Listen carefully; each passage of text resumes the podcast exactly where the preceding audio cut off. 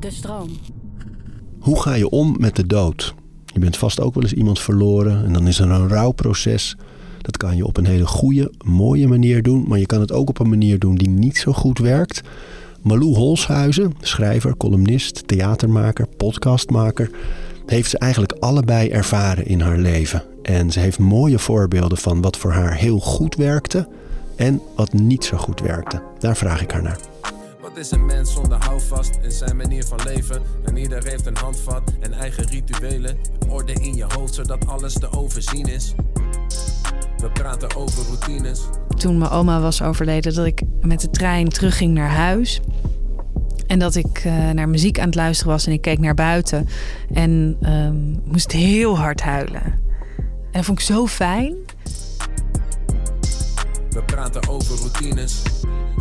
We hebben natuurlijk allemaal in het leven uh, momenten dat dingen anders lopen dan je wil. Dat er tegenslagen zijn, verdriet, uh, onzekerheid, angst. Uh, of dat je iemand verliest. In al die gebeurtenissen is eigenlijk rouw. ermee omgaan is een thema. En dat is ook een thema in het werk van Malou Holshuizen. Die net een heel mooie nieuwe roman heeft geschreven. Alleen een duizend mensen. Maar ook in je debuutroman was het thema al daar. Dus jij leek me bij uitstek de persoon om eens te gaan praten over, over rouw. En dan niet alleen bij de dood, maar ook in andere situaties. Ja. Zie je dat zitten? Dat zie ik zeker zitten. Ja, absoluut. Het thema dringt zich wel op in je werk ook, hè? Ja, ik, uh, uh, ik weet nog dat ik net met alleen een duizend mensen uh, ben begonnen. Of was begonnen. En uh, ik zat toen nog in therapie. En ik zat tegenover mijn psycholoog. En hij zei waar gaat je tweede boek over? En toen zei ik, dat weet ik nog niet zo goed. Maar ik weet wel, in het eerste hoofdstuk springt er iemand uit het raam en die pleegt zelfmoord. En toen zei hij, ah, alweer een zelfmoord. En toen dacht ik, oh, daar had ik me nog helemaal niet gerealiseerd dat dat in mijn eerste boek ook uh, gebeurt.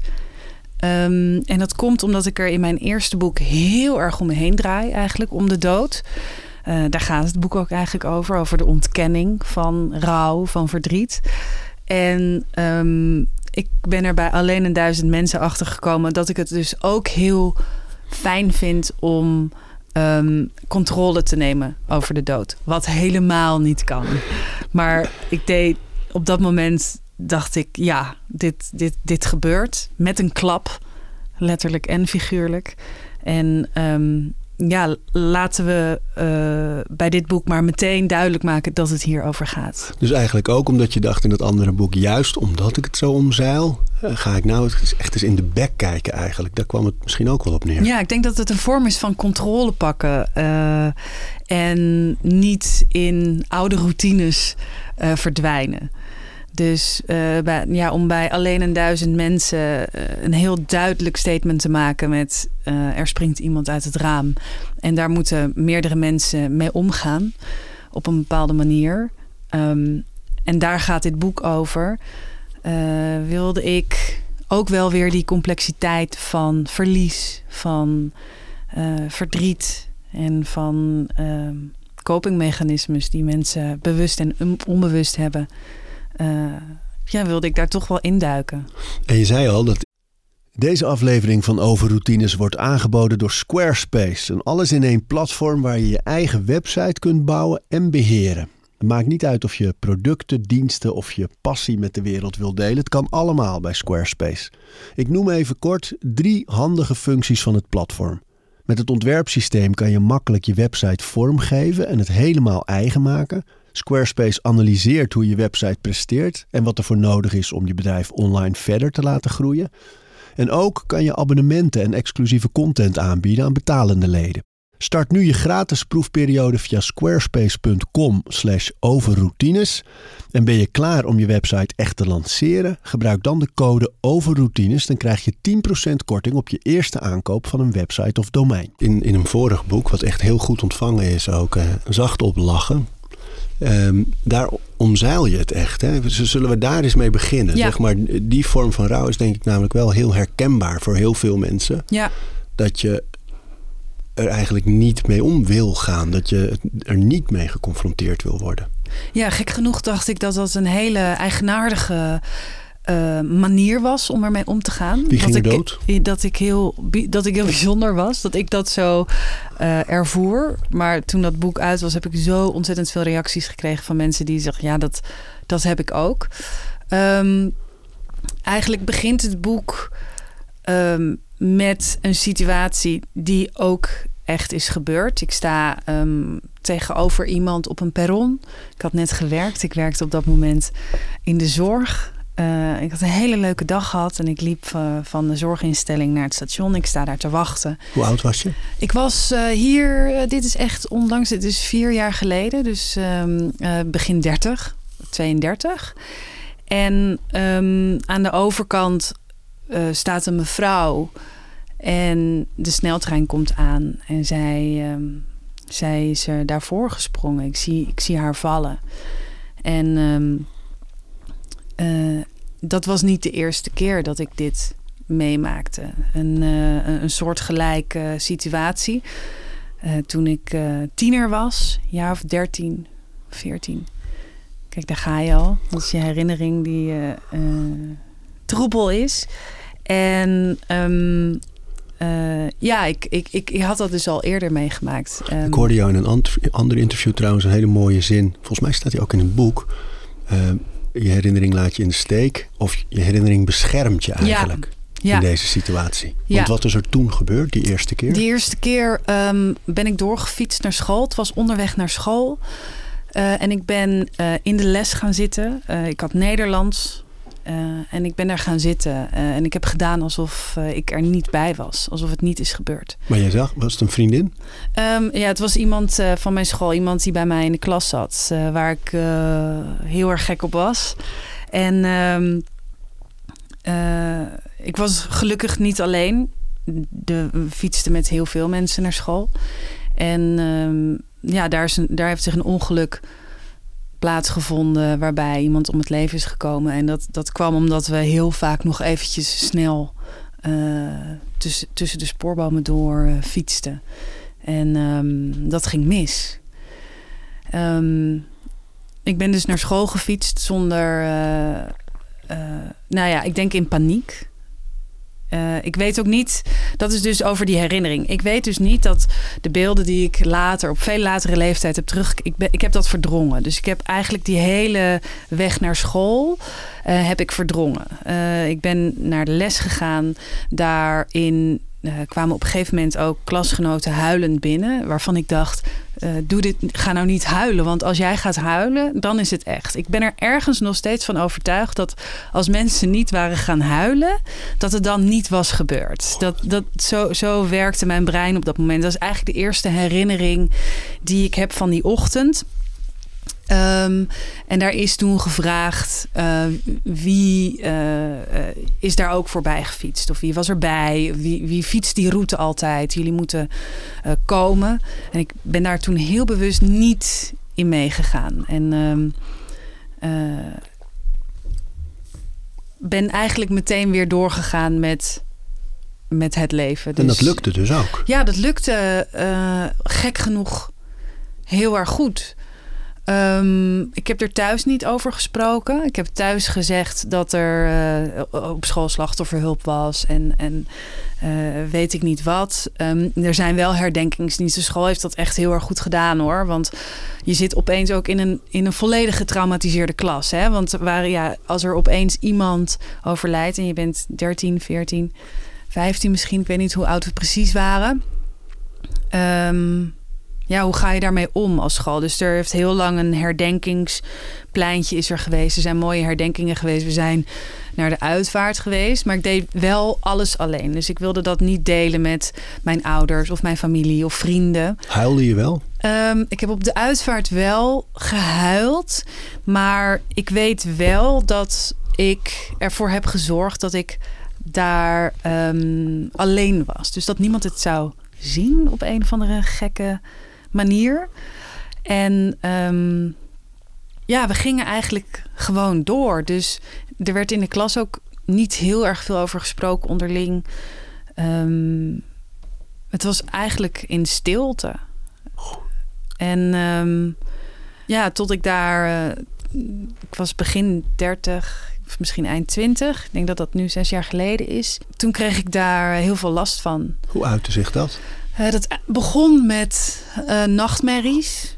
Dus nachtmerries over die weg naar school, nachtmerries over wat er uh, gebeurd was. Dus eigenlijk flashbacks waarvan je niet weet zijn dat uh, flashbacks uit je herinnering of is dat wat je herinnering er, ervan maakt? Zijn dat puzzelstukjes die je hoofd bij elkaar zet en dan zegt, nou, dit, dit zal er wel gebeurd zijn? Dat weet ik niet. Ik heb ook geleerd dat is eigenlijk helemaal niet zo belangrijk. Uh, of dat nou de letterlijke vertaling is van de werkelijkheid of wat ik me herinner, uh, wat ja, er gebeurd zou kunnen zijn. Natuurlijk. Ja, het is hetzelfde en het is ook dezelfde pijn en hetzelfde verdriet waar je mee te dealen krijgt. Maar het begon dus met nachtmerries. Uh, waardoor ik niet meer durfde te gaan slapen.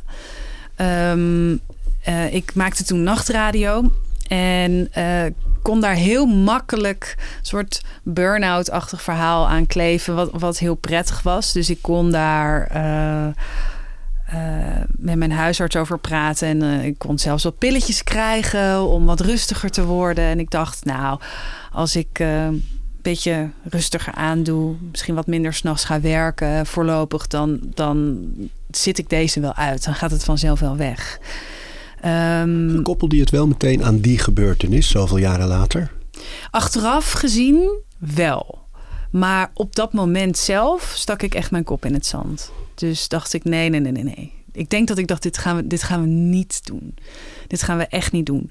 Uh, tot ook al die pillen niet meer hielp en ik niet meer. Ik kon ook op een gegeven moment niet meer slapen. Het is een heel, heel gek gevoel. Dus ik aan de ene kant durfde ik niet meer te slapen. En dat ging over naar een angst voor.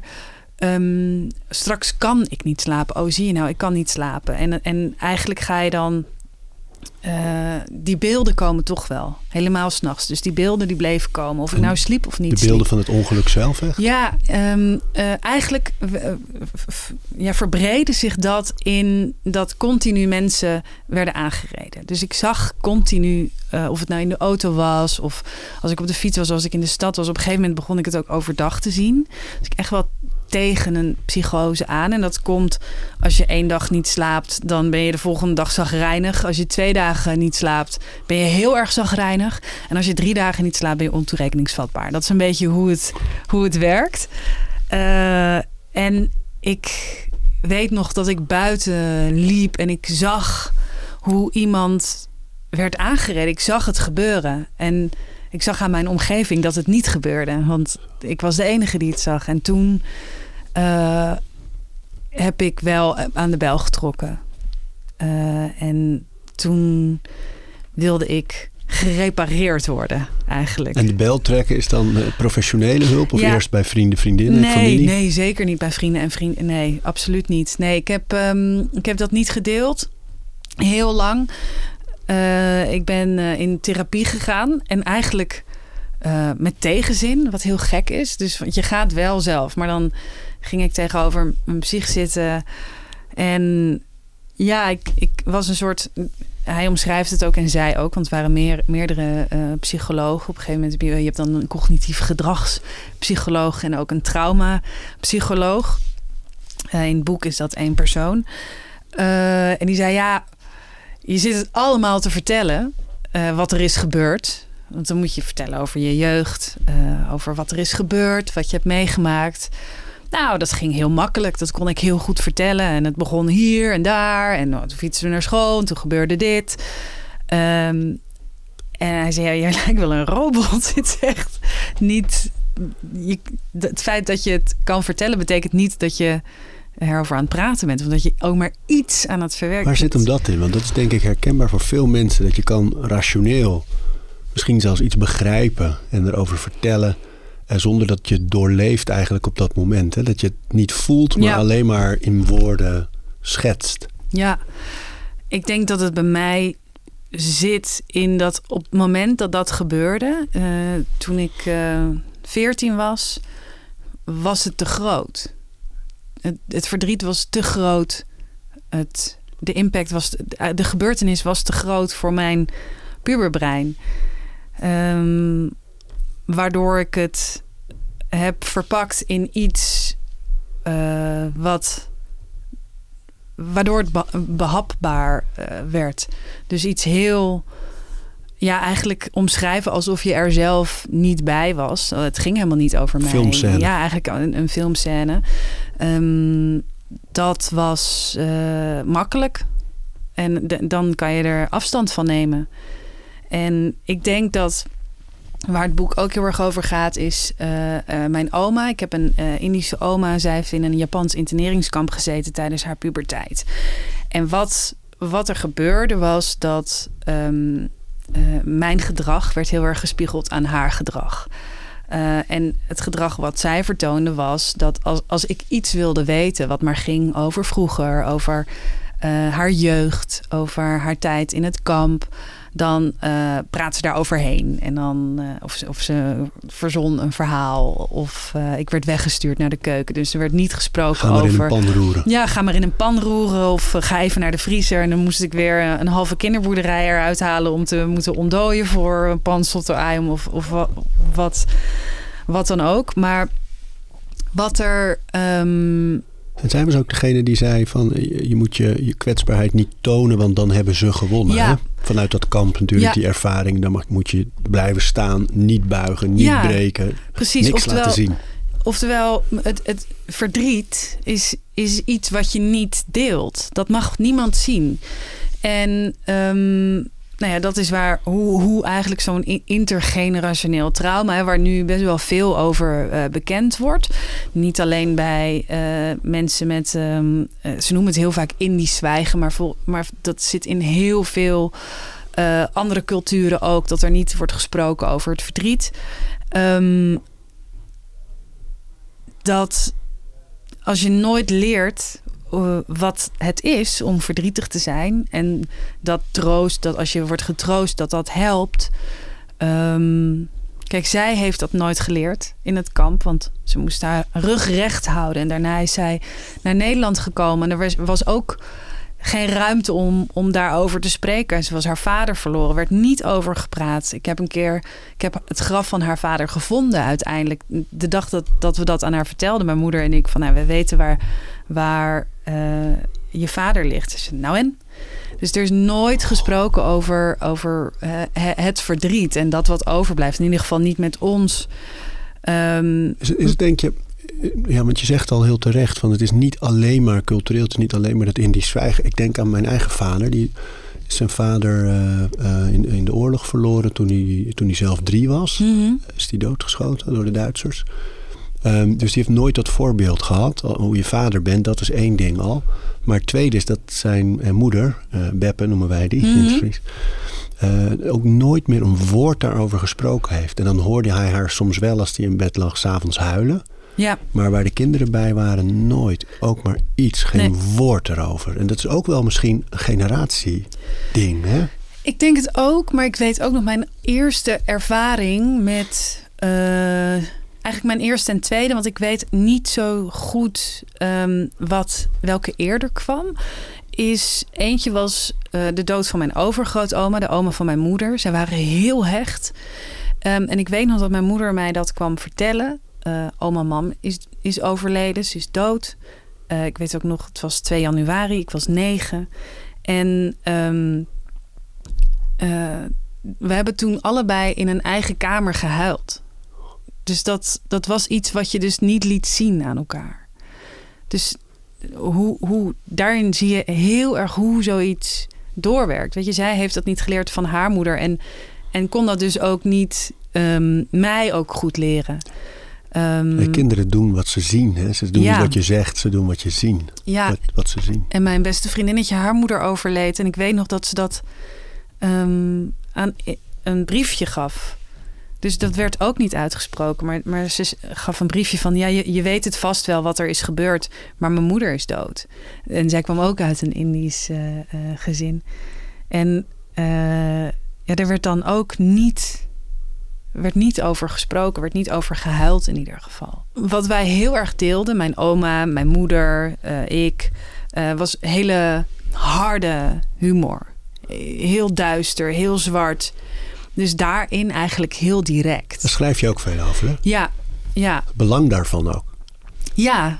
Uh, het, het, het, is een hele dunne grens waar, wanneer humor iets kan openbreken, iets bespreekbaar kan maken. Kun je een voorbeeld geven daarvan? Van, want we pellen het nu natuurlijk al in het gesprek een beetje af van de manieren waarop we mensen omgaan, mhm. omgaan met, met dood en, verlies. Maar hoe kan zo zwarte humor, harde humor helpen bijvoorbeeld? Ja, um, ik kan een voorbeeld noemen uh, van een gesprek dat we hadden met mijn oma, mijn broertje en ik. Uh, uh, mijn oma wilde niet dat wij naar Indonesië gingen. Want uh, was, ten eerste was het haar land niet meer. Maar wij hadden heel veel interesse in, in het land. In Indonesië, in um, het voormalig Nederlands-Indië. zochten wel eens dingetjes op van waar ze dan had gewoond. Of wat steeds meer werd bekend. Je kon ook veel meer dingen opzoeken op een gegeven moment. Het Nationaal Archief, daar kon je naartoe. En nou ja, we hadden het graf ook gevonden van haar vader, mijn overgrootopa. En zij wilde daar niks van weten. Wat moet je daar? Wat ga je daar doen? Ga je daar janken? Wat, en dan? En oh, boe. Nou, dan, en en het, je herkent het niet meer. Het is niet van. Het is, het is een ander land, andere cultuur, ander geloof, ander. Dat. En. Um, maar goed, ja, wij waren ook uh, gewoon twintigers. Wilden ook lekker naar Bali. En we zeiden, ja, oma, wij gaan, wij, wij gaan wel naar Bali. We gaan dat doen. En uh, dan uh, op een gegeven moment zei ze tegen mijn broertje. Die kwam ook zo trots vertellen. Nou, ik ga op vakantie, ik ga alleen. Het was de eerste grote reis. Ik ga naar Bali. wat moet je daar? En toen zei ze, ze zei, uh, wat, moet dat, wat moet dat toch? Waar moet je toch zo op vakantie? Ik ging toch, toen ik zo oud was als jullie, ging ik toch ook niet op vakantie. Zo en lang en daar naartoe. Toen heeft mijn broertje gezegd: Nou, oma, toen jij zo oud was als ik, ben jij lekker op kamp geweest. En daar was het altijd mooi weer. En toen was het stil. Heel lang. En we waren aan het wachten. Aan het wachten. En toen barstte zij in schaterlach uit heel hard. Had echt een hele mooie lach. En, en ze bleef lachen. Ze bleef lachen. En op een gegeven moment rolden de tranen over haar wangen. En ze was aan het huilen. En daarna weer aan het lachen. Dus zij, zij lachte door om. Eigenlijk, ze lachte door haar tranen. Maar even dacht ik. Ja, we, ik, ik weet wel wat. We hadden gewoon alle, alle drie heel erg door wat er gebeurde. Dat, dit was geen. Dit, dit waren geen tranen. Maar dat is mooi, hè? Want dan kan je dus inderdaad via die lach wel, wel bij dat, dat andere gevoel komen. Ja. Dat die gevoelens gaan gewoon stromen. Van, en ja, of het nou een lach is of een huil, maar er komt iets los en er gaat mhm. iets uit. Ja. Via de brug van humor. Zeker, maar het is wel heel uh, zeldzaam uh, geweest. Want het is ook een heel goed afweermechanisme om gewoon een keiharde grap te maken. Ook in je boeken. Ja, ja, absoluut. En omdat je verdriet niet kent, uh, is humor een hele fijne, uh, ja, fijne manier om je toch een emotie eruit ja, ja, ja. te persen eigenlijk. Hey, en bij jouzelf, hè? Van, van, want als je zegt verdriet niet kent, dan bij, bij je oma en zelfs bij je moeder denk ik dan, ja, oh ja, dat begrijp ik. Maar had je zelf dan als, als kind of als puber wel andere vormen van verdriet dan, dan om de dood? Um, ik was als puber voornamelijk heel boos. Dus uh, ik dacht dat dat woede was, maar dat is natuurlijk ook een vorm van verdriet. Als je alleen maar schreeuwt omdat je. Ja, dat is ook een vorm van pijn ventileren en, en er vanaf proberen te komen. En, Onbewust? Mm, ja. Ja. En ook vaak. Uh, ook uit angst. Dus angst dat mensen het door zouden hebben. Dat je, dat je echt verdrietig bent. Of mensen vragen hoe het echt met je gaat. Want waar is die angst dan voor? Ik denk dat die angst heel erg zat in. Uh, daar ben ik ook in therapie achter gekomen. Dat, dat een groot deel van mijn angst zat in het naar huis gaan. Dus, dus in het naar huis gaan na, na die dag van het ongeluk. Dat je dan op school zit, naar Nederlands gaat, uit de klas wordt gehaald. Um, en dat je dan naar huis moet. Dat je dan thuis. Uh, ik durfde dat niet te vertellen. Ik durfde niet te vertellen wat er die dag was gebeurd. Omdat ik heel erg. Mm, en dat was toen niet bewust. Maar ik denk met de kennis van nu dat ik dat wel kan zeggen. Omdat ik gewoon heel erg bang was dat er dan heel veel verdriet zou uh, loskomen. Waarvan ik geen idee had wat ik daarmee moest. Eh, Weet je wat, wat, wat ik zo interessant aan vind? Is dat je. Je zou denken van, van eh, nature heb je als kind gewoon heel logisch die emoties. mhm. Maar dat, dat dat intergenerationele dus zo sterk kunt zijn... dat je als kind dus echt niet begrijpt Nee, wat verdriet is... en wat, welke functie het kan hebben. En dat dat dus dan zo groot wordt dat je dus op geen enkele manier... die tranen wil laten zien aan de buitenwereld. Maar ik vraag me steeds af... Is, dan die, is die angst ook voor dat anderen het zien? Of is dat iets in jezelf? Waar, waar zit die angst hem het meest in? Mm. ik denk het ongemak dat je zelf voelt, ervaart op het moment eh, dat je dat doet. Ik vond het ook heel onprettig om bijvoorbeeld aangeraakt te worden door eh, mensen. Dus een hand, een hand op, op je schouder, dat was dat al je energie. Was als je naast iemand zit in een trein of in een vliegtuig, toch? Dat je denkt, ja, het zit net zo. En dan is op een gegeven moment het enige wat je nog voelt. Nou, dat is met troost dat ik dat dan eigenlijk ook. Zo'n ontzettende afkeer tegen, ehm, tegen die troost. Omdat ik niet wist hoe ik daar eh, mee om Dan had je moest er ook gaan. geen behoefte aan. Ik denk het wel onbewust. Ik denk dat iedereen daar ontzettend veel behoefte aan heeft. Ik denk ook dat daarom die woede zo eh, aanwezig was in mijn puberteit. Het, het, eh, je wilt toch ook begrepen worden. Maar ik begreep mezelf niet. Dus je gaat ergens een uitweg vinden om toch te schreeuwen: zie mij, zie mij. en eh, op een hele verkeerde manier. Ehm, wat, ja, wat, wat natuurlijk ontzettend averechts werkt. Want je, je duwt iedereen van je af in plaats van eh, dat mensen dichterbij komen. Ja, ik vond mensen ook gewoon snel, snel saai, denk ik. En, en wat, ik, was vrij, ik was een vrij gemeen, eh, vrij gemeen persoon toen in, in mijn puberteit. Dus Hard en boos. hard, boos. ehm, wilde mensen niet in mijn buurt laten komen. Dus ook eh, lullig, eh, gemeen, eh, vervelende opmerkingen maken.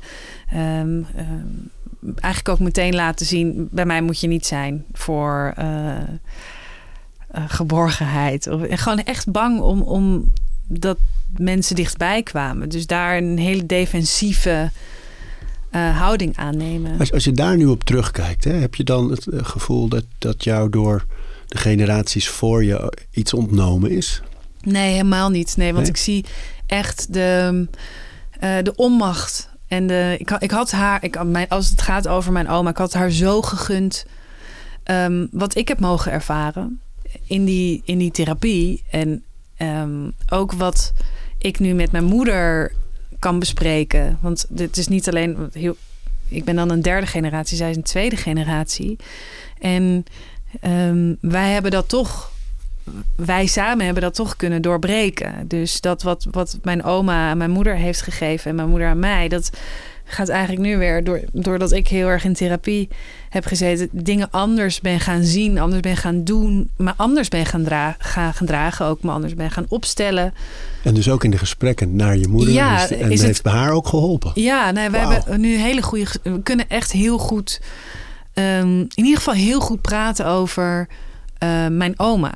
En dat, dat was iets waar we vroeger al heel erg eh, over konden botsen. Omdat ik was gek op mijn oma. Zij was iets minder gek op haar moeder. Eh, en, en dat heeft het heel mooi gegeven. Dus, dus ik vind niet dat mijn dat generaties hier voor mij met iets hebben opgezaad. Want het heeft me ook heel veel Onvermogen. ja, het is onvermogen, maar het is ook onvermogen waarbij een heel mooi realisatiemoment heeft gezeten. Eh, waar weer vergeving bij komt kijken. Of, of ja, inzichten. Waarbij ik heel, op een hele empathische manier heb kunnen kijken naar wat mijn moeder allemaal heeft meegemaakt. Naar wat mijn oma allemaal heeft meegemaakt. En volgens mij. Maar dus door therapie ben je, ben je jezelf echt gaan bekwamen eigenlijk in het, in, in het zien en herkennen en praten over al die emoties. Ja, Wauw. ja. En, en merk je dan, dit stel ik ook een beetje asking for a friend. Ja, ja. Ehm, ik merk zelf, ehm, mijn broers zijn eh, verslaafd en die zijn allebei in therapie eh, geweest, ehm, afgekikt, al twaalf jaar nuchter. Eh, ik heb het er best wel vaak over in Mhm. deze podcast, maar doordat zij zo eh, hebben geleerd dat gevoel meteen op tafel te leggen, Mhm. alles te analyseren, alles te bespreken, alles open te gooien, is in ons gezin ook ontstaan dat we dat veel meer doen over bepaalde thema's. Maar ik merk thuis dat als ik eh, echt in een werkmodus zit, en veel dingen tegelijk, dat ik me soms emotioneel afsluit. Eh, dus zelfs voor de mensen waar ik het meest van hou, eigenlijk niet heel erg verbind op zo'n moment. En weinig oog heb voor waar anderen doorheen gaan of de behoeftes die zij hebben aan verbinding. Mijn vrouw, misschien ook mijn kinderen, andere mensen om me heen. Dan merk ik dat me echt een beetje afsluit. Dus dan kan je op één vlak best wel goed zijn in het luisteren en het praten Mhm. over. En op een ander vlak toch weer in die valkuil stappen. Herken je dat? Ja, dat herken ik heel erg. Ja, Ehm, ik vind het nog steeds moeilijk. Het is niet zo dat je genezen de drempel overstapt en denkt, nou, Kom maar op. kom maar op. En nu kan ik eh, eh, over alles goed praten. Hier met je dood en je verderf. Nee, dat is helemaal niet zo. Ik weet wel, kijk, eh, eigenlijk omdat ik in een situatie terecht ben gekomen waarin ik eigenlijk nog een keer eh, iets soortgelijks heb meegemaakt.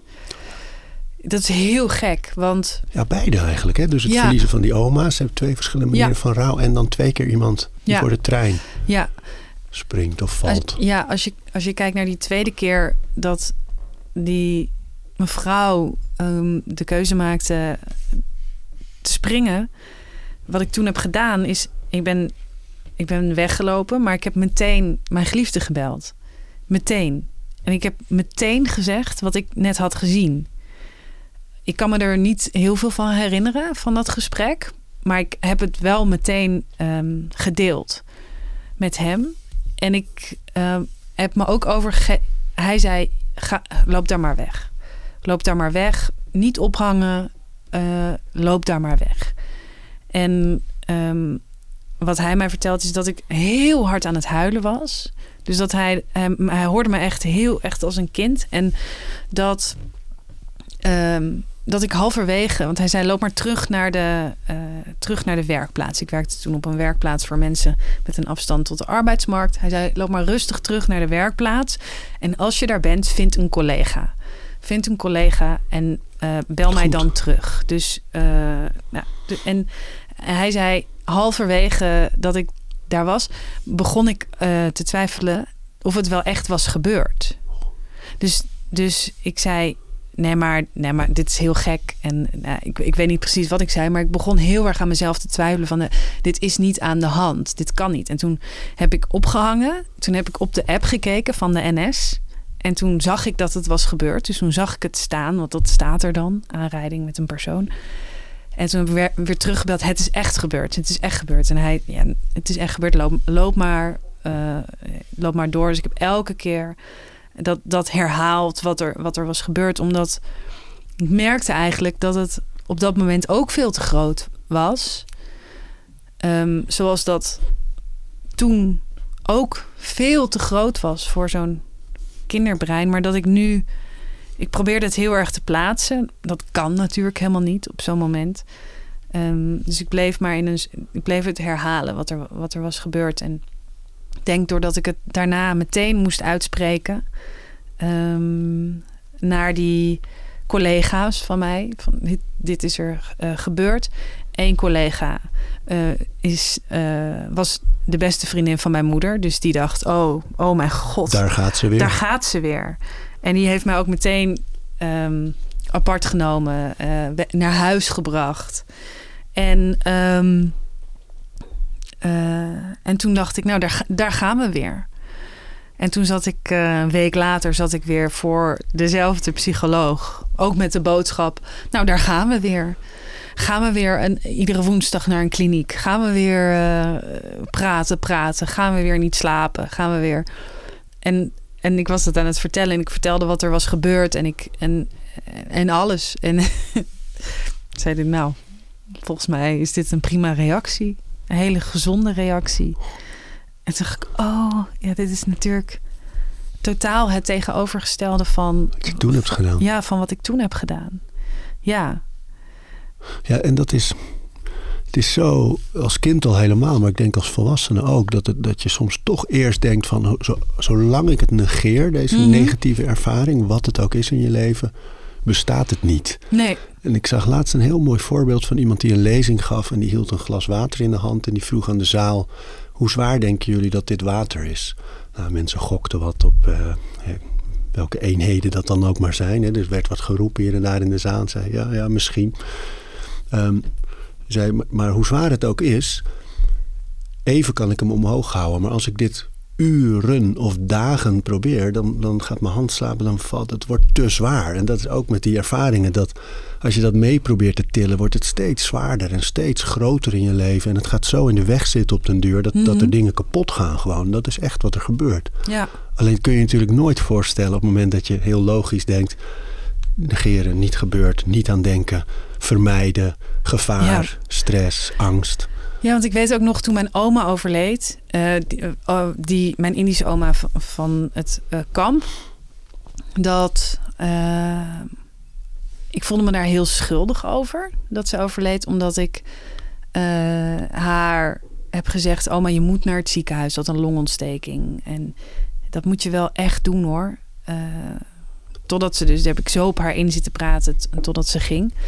Eh, ik heb haar beloofd, ja, maar als je je laat behandelen en dan kunnen ze je helpen. En dan ben je, ik beloof het, je komt weer thuis, je komt weer thuis. Nou, dat, dat is niet gebeurd. Dus daar voelde ik me heel schuldig over. En, en ben me daar, na, toen ze was overleden, ook echt heel raar gaan gedragen. Dus ik eh, heb ontzettende ruzie gemaakt met mijn beste vriend. Die niks anders dan heel lief voor mij was. Die eh, echt de hele tijd echt incheckte. Hoe gaat het met je? Eh, vertel even hoe het is met oma. Wa- Waar, eh, was ook, waar was op de uitvaart? Eh, ik vond heel erg dat hij over mijn grenzen heen ging. Dat vond ik echt. Dat voelde ik echt zo. Terwijl was alleen maar lief voor mij. Hij, was, hij zei alleen maar: Ik ben er voor je. Ik ben er. Ik zie je. Ik pas op je. Ik kwam hier weer eten brengen. Dacht ik: Sodemiet erop. Laat me met rust. En ik merkte dat ik dus heel veel he- heel erg rigoureuze keuzes ging maken. Dus ik, eh, mijn relatie ging uit. Eh, ik wilde ook verhuizen. Ik wilde een ander huis. Dus ik wilde niet. Ik, ik zocht naar allerlei dingen om maar ehm, te kunnen laten zien dat niks meer hetzelfde was zonder haar. Dus ik wilde niet dat, het, dat alles maar doorging zonder haar. Dus ik ging de omgeving eromheen veranderen. Eh, en dat is zo, als ik daar nu aan terugdenk, denk ik, ja, waar was je mee bezig? Heel veel uitgaan ook. Eh, Verdoven. ja, ja, heel erg. En nu, eh, afgelopen mei, is mijn oma, mijn andere oma overleden. En eh, ik heb een heel leuk huis en een hele goede relatie. Een hele lieve vriend. Mijn vriend, mijn beste vriend, was nu ook de uitvaartondernemer. Dus ik kon ook geen ruzie maken met hem. Kon niet verhuizen. Ik vind mijn relatie veel te mooi en veel te fijn om die eh, te saboteren. Dus ik was zo heel erg aangewezen op mezelf en mijn eigen pijn. En, en om dat dan, eh, ja, om, om daar zo nu op deze manier, nou ja, echt letterlijk met iedereen eromheen, ook omdat, omdat mijn beste vriend was, was, ja, die regelde alles omtrent wat, wat er moest gebeuren. Eh, was het zo samen. Ehm, ja, het echt twee totaal verschillende. Ja, want dat heb je dus dan, dan twee keer. Dat, dus dat, dat trauma met die trein in je jeugd en in je volwassen leven. Ehm, beide anders mee omgegaan. Ja, En dan de dood van je oma's, ook Mhm. beide anders mee omgegaan. ja. Kun je dan nu ehm, eh, bijna een soort eh, how-to bouwen van wat wel werkt bij rouw, wat voor jou wel gewerkt heeft? Je, je hint natuurlijk al naar een paar dingen van het, het delen, het Ja. samen zijn, het mensen juist naar je toe halen in plaats van afduwen. Ja. Ehm, nou, wat voor mij heel goed werkt, is ehm, vertellen wat het verdriet met mij doet. Ik vind het nog steeds heel moeilijk om eh, samen verdrietig te zijn. Omdat, eh, dus als iemand verdrietig is, dan wil ik dat voor diegene oplossen. En als ik zelf verdrietig ben, dan wil ik het liefst alleen heel hard huilen. Maar ik kan dat dus wel nu aangeven. Van, ik, Laat me maar even. ben heel verdrietig. Eh, laat mij maar even. Dit, dit is het moment dat ik. Het moet, er moet eventjes iets bij mij aangezet worden. waarbij ik het zelf kan toelaten. En daarna kan ik het delen. daarna kan ik erover praten. Dan kan ik heel hard huilen bij mijn geliefdes. Of ehm, ja, dus, dus vooral delen wat er op het moment gebeurt. Ik hoef niet meteen te delen, ik voel me zo en zo. Want dat, dat vind ik gewoon nog steeds heel erg moeilijk. Maar ik kan wel uh, delen wat er, wat er gebeurt. Dus ik merk dat ik nu even op slot ga. Um, dat, het duurt bij mij altijd even langer. Dus ik heb altijd nog eerst het idee dat ik iets moet oplossen. Dat gaat er ook heel moeilijk uit. En dat is denk ik ook wel weer ergens iets wat ik heel erg prettig vind. Um, ja, het geeft natuurlijk een richting. Ja, zeker. Een doel. Ja, het gaat bij mij gewoon even iets langzamer, omdat ik toch altijd nog moet wennen aan het feit dat het er mag zijn. Uh, het duurt bij mij gewoon langer. En... Maar wat een dappere strijd eigenlijk. Hè? Voelt dat ook zo? Dat je denkt van ja, je hebt een, er is een, een onvermogen doorgegeven. En dat heeft je leven echt wel gekleurd. Een groot deel van je leven. Ja, maar ik vind mezelf ook af en toe zo vermoeiend. dat. Waarin dan? Um, nou, in zeg het gewoon. In, uh, en dat kan ik. Ik kan dus nu heel goed zeggen, zeg het gewoon. Maar voel het gewoon. Dat is het. Dat vind ik, heel, dat vind ik nog wel heel moeilijk. En het, um, maar ik kan wel vertellen aan. Ik woon uh, nu in Antwerpen. Mijn vriend woont uh, nog hier. Wij hebben een landrelatie. En ik weet nog dat ik het op een gegeven moment. Um, toen mijn oma was overleden, dat ik met de trein terugging naar huis. En dat ik naar muziek aan het luisteren was en ik keek naar buiten. En um, moest heel hard huilen. En vond ik zo fijn. En dat kon ik wel tegen hem zeggen. En hij, en hij dacht: Oh, maar wat, wat vreselijk dat je je zo alleen hebt gevoeld. En zo verdrietig was. In je eentje in de trein. En ik, ik kon gelukkig zijn. Maar het was echt heel fijn. Want nu kan ik het ook met jou delen. Maar er, ja. Waar huilde je om? Um, om de laatste dagen en om eigenlijk alles wat, wat je in een sterfproces. Dat, ik ben veel mensen verloren. Um, niet alleen aan, aan, het ongeluk, maar ook jong. Um, vrienden, uh, kanker. En of iemand nou in één keer wegvalt of dat je weet dat, dat iemand uh, gaat overlijden. Het is altijd. Je, het went helemaal niet. En dat maakt in principe. De klap is hetzelfde. De, iemand is er opeens niet meer. En um, um, wat ik bij mijn oma uh, de laatste keer heel. Ik probeerde gewoon er heel erg goed te zijn voor mijn opa, voor voor haar, voor wat er gebeurde. Dus ik heb, ben dan best wel veel aan het, aan het managen. En ik kan heel goed een soort helikopterview over situaties zien. Over wat botsende dingen in families en, en hoe dat werkt en wat er moet gebeuren om dat eventjes te deescaleren. En eigenlijk waar, wat er toen gebeurde in die trein was dat ik gewoon helemaal terug kon naar dat ik mijn oma aan het verliezen was. En dat dat ook gewoon aan de hand was. Hielp de muziek daarbij? Ja, ja dat hielp. Weet je nog waar je naar luisterde? Ik luisterde uh, naar een, uh, een, een pianotrio. Wat heel opzwepend uh, is en waar bijna al mijn vrienden doodnerveus van worden als ik het opzet. Maar ik vind het heel lekker om een beetje de verte in te kijken. En ja, ik vond het heel fijn om, om alles maar eventjes voorbij te laten gaan. En, uh, maar dat is zo mooi aan kunst, hè? Dat je, of het nou muziek is of ja. met poëzie heb je het soms ook. Dat je kan iets voelen en daar niet zelf nog de woorden voor vinden. Mm -hmm. En dan in muziek, in klanken en in teksten, maar in poëzie heb je het al helemaal. Dat iemand ineens iets vat, een bepaalde emotie of een gevoel of een uh, gebeurtenis. En dat, en dat dat een soort ja, anker slaat naar je hart. En dat, hup, daar gaan ze de tranen. En ja. Dat is heel mooi. Het is ook, merk ik, lekker als je je wat, wat zwaarmoedig of verdrietig voelt. Um, om juist even te zwelgen erin door ook nog eens sombere muziek of muziek die iets, echt iets melancholisch heeft te Ja. luisteren en er echt even in te duiken om het, om het lekker los te weken eigenlijk, die tranen en, en het Ja. verdriet en het heel erg ruimte te geven van doe maar.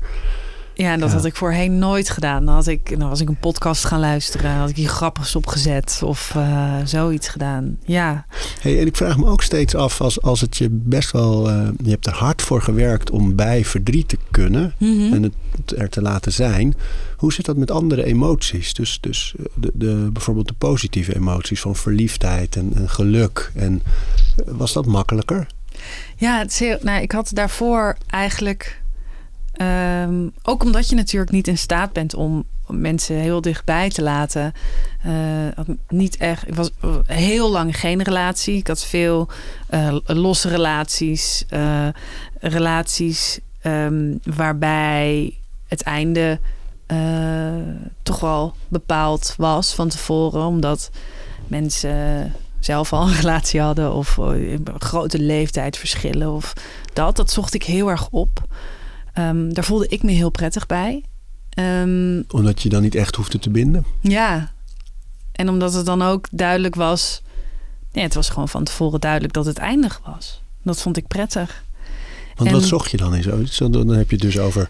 Ik denk ehm, afleiding, toch spanning, eh, schijnveiligheid. Zit ook weer in dit boek trouwens. Hè? Ja, heel erg. Ja, de, de, de, de hoofdpersoon Rivka neemt genoegen met een tweede plaats, omdat zij niet weet hoe het is om echt gezien te worden. Dat kent zij niet.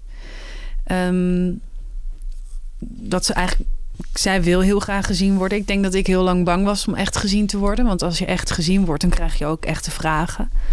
Ehm, en die kan ik niet beantwoorden. Want dan moet je iets geven van jezelf. Dan moet je iets eh, vertellen hoe je je voelt. En ik heb geen idee hoe ik me voel. Want ik heb nooit geleerd hoe ik me voel. eh, wat dat betekent. Ehm, ik dacht ook, als jij komt wil ik je vragen... omdat je boeken zo persoonlijk zijn... en je columns zijn heel persoonlijk... Je, in je podcast deel je veel van je eigen dingen... Ja.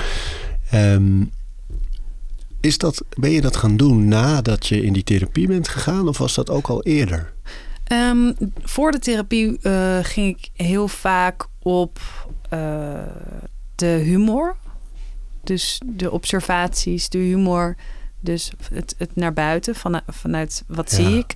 En nu, ehm, helemaal door zacht op lachen, heb ik eh, geleerd dat alles wat ik voel, waar ik tegenaan loop, dat is helemaal niet zo ontzettend persoonlijk. Het is ontzettend universeel om eh, je op bepaalde momenten eh, onzeker, verdrietig, angstig, eh, Alleen. alleen te voelen.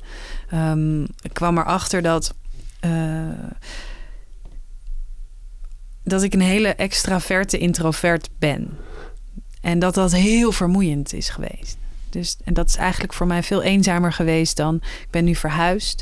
Ik ben naar Antwerpen verhuisd. Dat, he- dat heeft hier ook echt mee te maken. Ik, ik voel me heel erg goed. Ik, ik schuur wel graag tegen dat eenzame aan. Ik vind het heel prettig om alleen te zijn. Ja. En, en al deze dingen samen, hè? Dus, dus steeds die vormen van rouw en leren, die hebben natuurlijk allemaal toch wel heel erg ook met een graven in jezelf te maken. Dat je naar binnen gaat en denkt, eh, wat gebeurt hier en wat vind ik daarvan en wat voel ik daarbij. Ja, Eh, Zijn er voor jou eh, lessen? Dus als mensen nu zitten te luisteren en herkennen wat je zegt, van ja, ik kan er ook niet bij. Of ik stel, dat je iemand verliest of iets verliest. eh, wat zijn nou de dingen waar je echt voor uit moet kijken, de valkuilen? Ehm, als ik kijk naar mezelf, eh, je behoeftes niet, niet uitspreken. Dus inderdaad, ehm, bijvoorbeeld de eerste keer, ik had geen behoefte om daar continu over te praten, omdat ik, er, omdat ik er zelf nog niet was. Ik was daar nog niet aan toe. Maar die behoefte om eventjes met rust gelaten te worden, die deelde ik niet.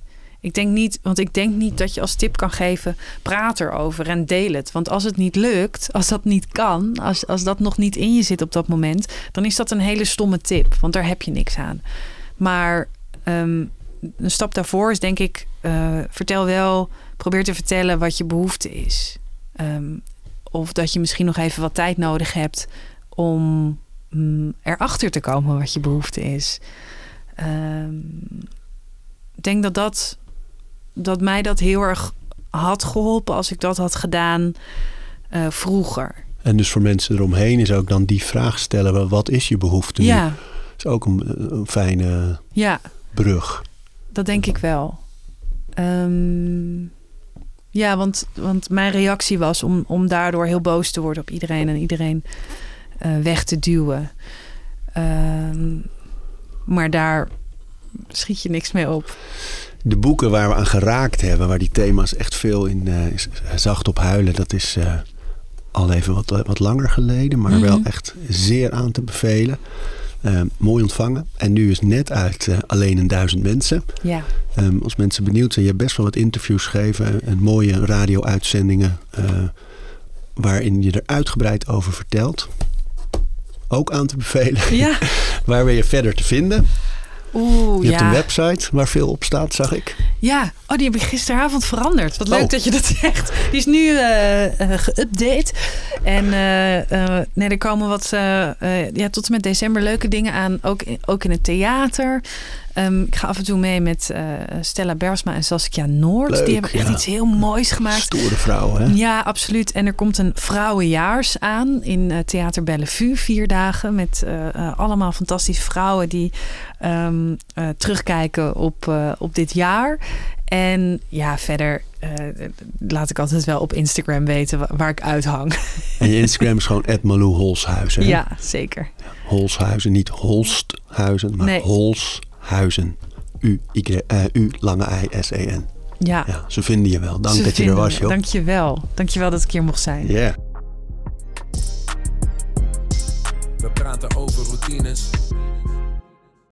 Dankjewel voor het luisteren. En voordat je weer doorgaat naar andere dingen, wil ik je nog even wijzen op Over Inspiratie. Dat is het mailtje dat ik elke donderdag rondstuur met drie tips. Dingen waar ik zelf veel aan gehad heb. Het kunnen producten zijn, artikelen die ik gevonden heb online, onderzoeken, eh, Instagram-accounts, podcasts, boeken, van alles eigenlijk. En ik denk dat je daar zelf ook veel aan kunt hebben. Dus vind je het leuk om dat mailtje elke week te ontvangen? Dan kun je je opgeven op ariboomsma.nl onderaan de pagina. Dan krijg je voortaan elke donderdag in je mailbox over inspiratie.